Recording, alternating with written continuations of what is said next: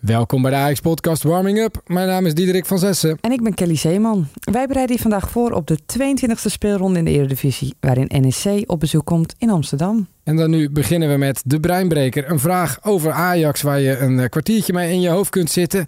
Het was in een wedstrijd tussen Ajax en NEC dat voor het laatst een Ajax ziet een loopzuivere hattrick maakte. Op 20 november 2016 won Ajax met 5-0 en maakte één speler drie doelpunten in de eerste helft en achter elkaar. Maar wie was het? Je kijkt me vragen aan, Kelly. Ja, ik weet het niet. En daar uh, kan Sillis er niet meer aan zitten. Ja, hij wel. Uitkijken. Welkom bij de Ajax Podcast vanuit de Johan Cruijff Arena. Die trilt nog na van de wedstrijd tegen Bodø In dat potje in de tussenronde van de Conference League lukte er eigenlijk niets voor Ajax. Maar toen kwam er toch nog een resultaat. Hoe dat gebeurd is, Kelly Zeeman, jij zat thuis te kijken. Oud Ajax ziet. Hoe heb jij gekeken? Ja, ik had Soraya Verhoef op, uh, op bezoek. Dus wij uh, gingen er echt even lekker voor zitten. Maar uh, ja, toch een beetje teleurgesteld. Was je weggezakt? Ja, je, zeker. heb je getwijfeld om naar bed te gaan? Ja. Maar niet gedaan? Nee. En geen spijt van gekregen? Heb, Nee. je, heb je het vertrouwen wel gehouden de hele tijd? Nou, ik zag dit niet meer gebeuren in ieder geval. Ja, wij zaten in het stadion. Het was een bijzondere wedstrijd om verslag te doen bij, uh, bij Ajax Radio. Zullen we de top 5 maar eens beginnen met een samenvatting? Dan weet iedereen weer hoe het Ja, gegaan doe het maar eventjes. Tussendoor steken naar Ekpom, rand 16 meter. Schot van Ekpom en dan via Hauk over. Robbie was er ook nog bij. Misschien dat de steekbal daar eigenlijk naartoe moest, maar die had misschien buiten spel gestaan. Uiteindelijk neemt Ekpom hem over. Hauke trekt naar binnen met uh, gooien bij zich. Hoek van de 16 meter. Dan gaat hij laag naar Grunbeck. Grunbeck naar zijn linker en die gaat erin. In de korte hoek. Het lukte net ook al bijna zo. Wel meteen weer uh, gedekt. 16 meter ingelopen. Geeft hem op Henderson. Krijgt Dienson een trap. Henderson schiet. En dan het schot. Uh, de rebound bijna voor Kenneth Taylor. Heel te lastige bal bij Grunbeck. Maar hij pakt hem terug omdat gooien niet staat op te letten. Nu komt er een kans aan. Grunbeck gaat schieten, gaat scoren.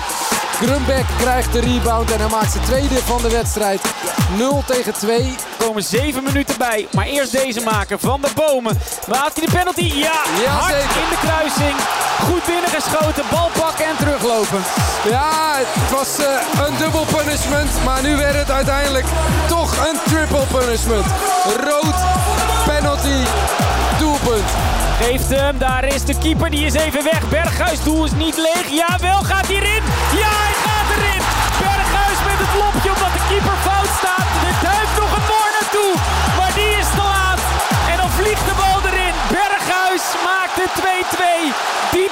blessuretijd. 2-2. Baalde je dat je niet in het stadion was uiteindelijk? Nou, nu ik dit zo hoor, uh, heb ik wel wat gemist hoor. Ja, er waren hier en daar toch nu natuurlijk ook al wat stoeltjes leeg zo naar het einde toe. En Ja. dat, eh, dan vind ik het op zich altijd wel aardig als dat uh, gelogen gestraft wordt. Omdat er dan nog uh, zo'n de, de, stukje... de successupporters. Ja, nou goed. Het was ook wel heel erg moeizaam allemaal. En niemand had het natuurlijk verwacht dat het uh, uiteindelijk nog zou gebeuren.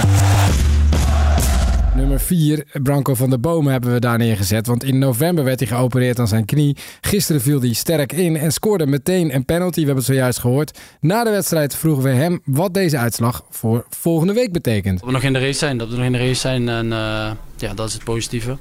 En uh, ik denk dat we ook van kunnen leren. Je hebt gezien dat ze, dat ze wel vaardige jongens hebben, vooral voorin. En, uh, maar je hebt ook een zwakte gezien. Ik denk dat ze achterin niet snel zijn. En uh, dus ja, daar kunnen we misschien uit meer van profiteren. En Branco is helemaal terug.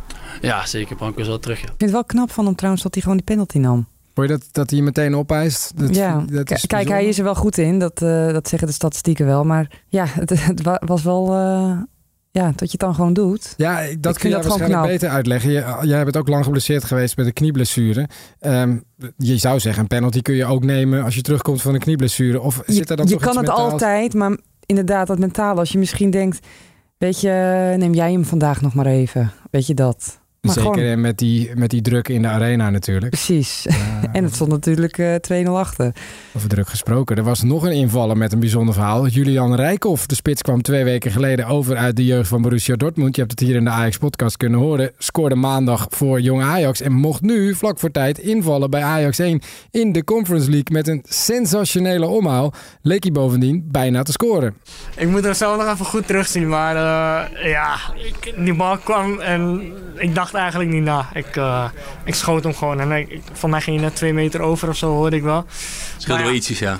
Ja, nou ja, ik, uh, ja iedereen weet nu dat ik, uh, dat ik dat heb gedaan. Dus ja, wie niet waagt, wie niet wint, hè? Zeg. Je moet het doen, hè, Kerry. Als je zo aankomt, moet je de omhaal maken, toch? Ja, hij wel. Jij niet? Zou je het niet gedaan hebben? Hij komt toch bijna niet anders? Nee, klopt. Nee, had jij, heb je wel eens een omhaal gemaakt eigenlijk in je leven? Of in ieder geval heb je het geprobeerd wel eens? Geprobeerd wel. Ja, ja. Meteen nooit mee gescoord. gestopt. Ah, is dat zo? Ja, nee, dat is niet voor mij weggelegd. Ik vond overigens wel twee meter was wel een gunstige schatting, zoals hij zelf zei. Dat, ik denk dat het nog wel wat meer was dat hij Maar dat, is, dat typeert hem wel een beetje. Want hij, eh, dat, dat was maandag ook bij die wedstrijd bij Jong. Mhm.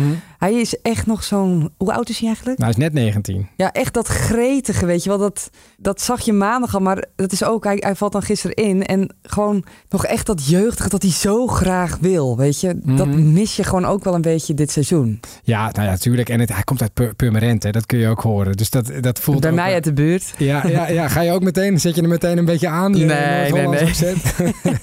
Zondag 7 april 2024, dan is het zover. De klassieker in de Kuip. Maar mocht je nou liever zelf in actie eh, willen komen dan voor de buis naar die wedstrijd kijken, dan hebben we een aanrader. De Kruif Legacy 14K, zo heet dat. Kelly, ben je al in training? Nou, ik heb me net ingeschreven. ehm, maar ik had natuurlijk mijn kruisband afgescheurd toen ik stopte, Ja, helaas. ja, zeker, ja. Daarna eh, zwanger eh, geraakt. Dus ik moest extra mijn best doen om hier fit van te worden. Maar 14 kilometer Maar ik in ben aan het hardlopen. even, want het is 14 kilometer zonder dat je... Nee, wacht. Ik doe niet de 14. Je gaat de vijf doen. Ja, Ja, dat kan dus ik ook. moet Je eerst ook beginnen met de vijf doen. 5. Het is ook een gratis kidsrun voor de jonge fans. Stof voor jou, maar waardevol voor een ander. Door mee te rennen of te wandelen hou je namelijk geld op voor de Kruif Foundation. Die foundation die laat kinderen en jongeren sporten voor wie dat niet vanzelfsprekend is. Inschrijvingen en meer informatie op 14krun.nl. En dan tenslotte een fragment van afgelopen maandagavond uit Engeland. Toen lag ik lekker lang uit op de bank naar Crystal Palace tegen Chelsea te kijken. Het was 1-0 bij rust en de uitploeg stond na een donderspeech klaar om vanaf de aftrap van zich af te bijten. Maar er was een technisch probleem bij scheidsrechter Michael Oliver. En dus besloot de stadion-dj een voor ons bijzonder plaatje in te starten. Ook de DJ eh, heeft eh, een oud Amsterdams muziekje gevonden. Nou ja, oud Jamaicaans, wat ze in Amsterdam ook nog wel eens.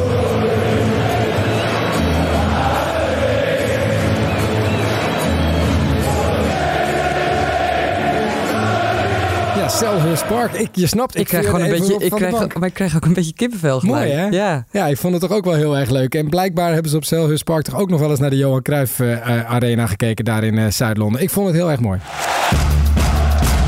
Daar is mijn liefde voor Ajax ontstaan. Ja, ik, heb, ik moet op alle vlakken neutraal zijn in het leven, behalve bij voetbal.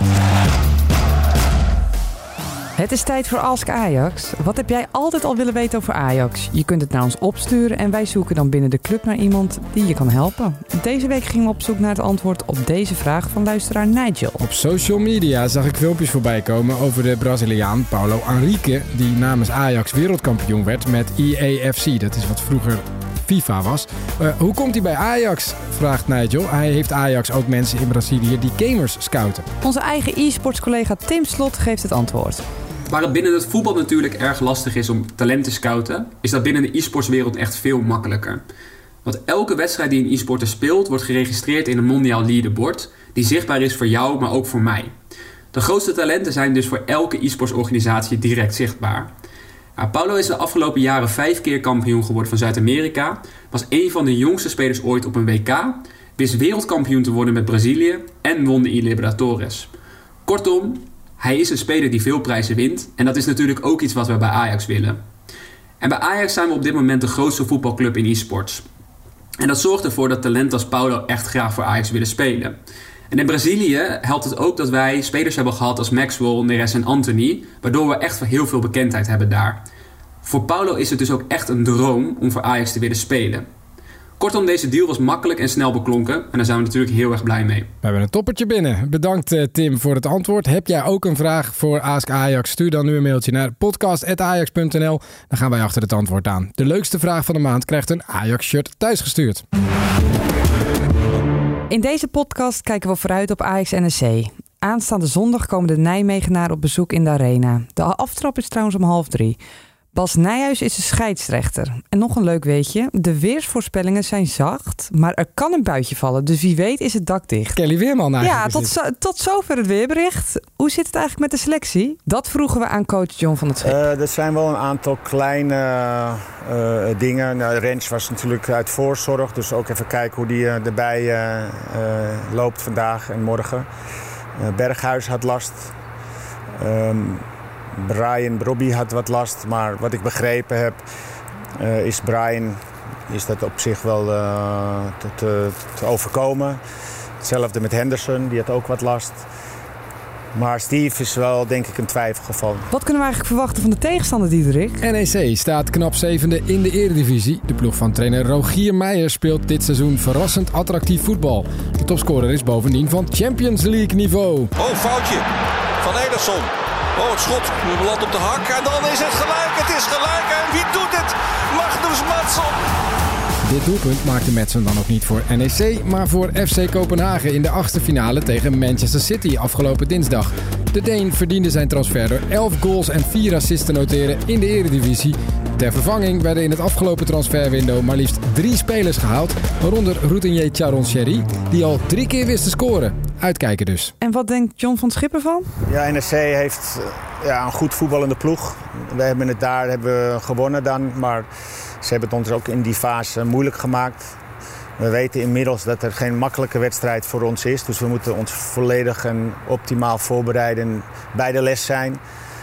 Ze hebben een goed voetballende ploeg van achteruit. Ze hebben snelheid voorin met eh Sontje Hansen. En, eh, het is over het algemeen gewoon echt een goed voetballend elftal. Dus eh, ja, die moet je niet veel ruimte geven. Qua historische statistieken staat Ajax er goed op tegen NEC. De ploeg verloor in de eredivisie geen van zijn 42 thuiswedstrijden tegen de Nijmegenaren. De laatste editie op 5 maart 2023 werd gewonnen, al was het maar met het kleinst mogelijke verschil. Tadic heeft hem zomaar overgenomen en voorgegeven richting Kudus en die loopt hem binnen. Zomaar uit het niks. Tadic verovert de bal tussen twee spelers van NEC. Hij heeft het ook een klein beetje aan Bergwijn te danken. En dan Kudus bij de eerste paal die hem eigenlijk niet eens schiet, maar binnen loopt. En daar eh, kan Sillissen niet meer aan zitten. Nou, niet de mooiste goal uit de carrière van Mohamed Kudus, maar we wonnen lekker wel. Ja, over goals gesproken. Ik wil het ook nog even over deze man hebben. Ik zet Harris, ik zet Harris op de Neres. Dat is een song? Ja, het is goed, ja. Cuba Ekpom zet zelf ook Herres in een Ajax-shirt. Hij maakte in de Eredivisie zes goals in negen optredens sinds de aanstelling van Van Schip. Gemiddeld is het elke 54 minuten raak. En als je Ajax Pek Zwolle niet meetelt, want toen was Van Schip afwezig, gaat het zelfs om één keer in de 39 minuten. Dat zijn wel cijfers. Heb je nog zin in een leuk, nutteloos feitje? Ja, zeker. Dat, eh, daar ben ik altijd eh, gek op. Ajax kan een lopend record evenaren. Ajax NEC kan namelijk in de eredivisie dus voor de 43ste keer op rij zonder verlies van Ajax eindigen. Er is één ander affiche dat al op een reeks van 43 staat en dat is PSV. Tegen NEC, 43 keer. Ja, dat is ook geen beste reeks voor NEC. Dat was hem bijna voor deze week. Wil je reageren? Doe dat dan via mail op podcast.ajax.nl of gebruik hashtag AjaxPodcast op social media. Twee wedstrijden om te volgen trouwens deze week op de radio zijn natuurlijk Ajax NEC. Begint om half drie, zeiden we net al. En de uitwedstrijd donderdagavond tegen Bodo Glimt. Deze wordt trouwens gespeeld om kwart voor zeven. Dus goed opletten, want het is de vroege aftrap. Luisteren doe je via Ajax Radio op ajax.nl, de Ajax-app of via onze eigen zender op Duke. Ja, dan wil je natuurlijk ook nog weten wat het antwoord is op de Ajax Breinbreker van deze week. Jij bent ook benieuwd, Kenny, volgens mij. Ja. Wie was op 20 november 2016 in de wedstrijd Ajax-NEC de laatste Ajax-ziet die het lukte om een zuivere hattrick te maken? Kesper Dolberg, de voorzet van Singgraven. Het was Kesper Dolberg. Oh. Onder Peter Bos in de tweede helft scoorde ook nog Bertrand Traoré en Lasse Schöne. Het werd dus 5-0, net als in de daaropvolgende editie van Ajax-NEC in augustus 2021. Tot vrijdag. Tot vrijdag.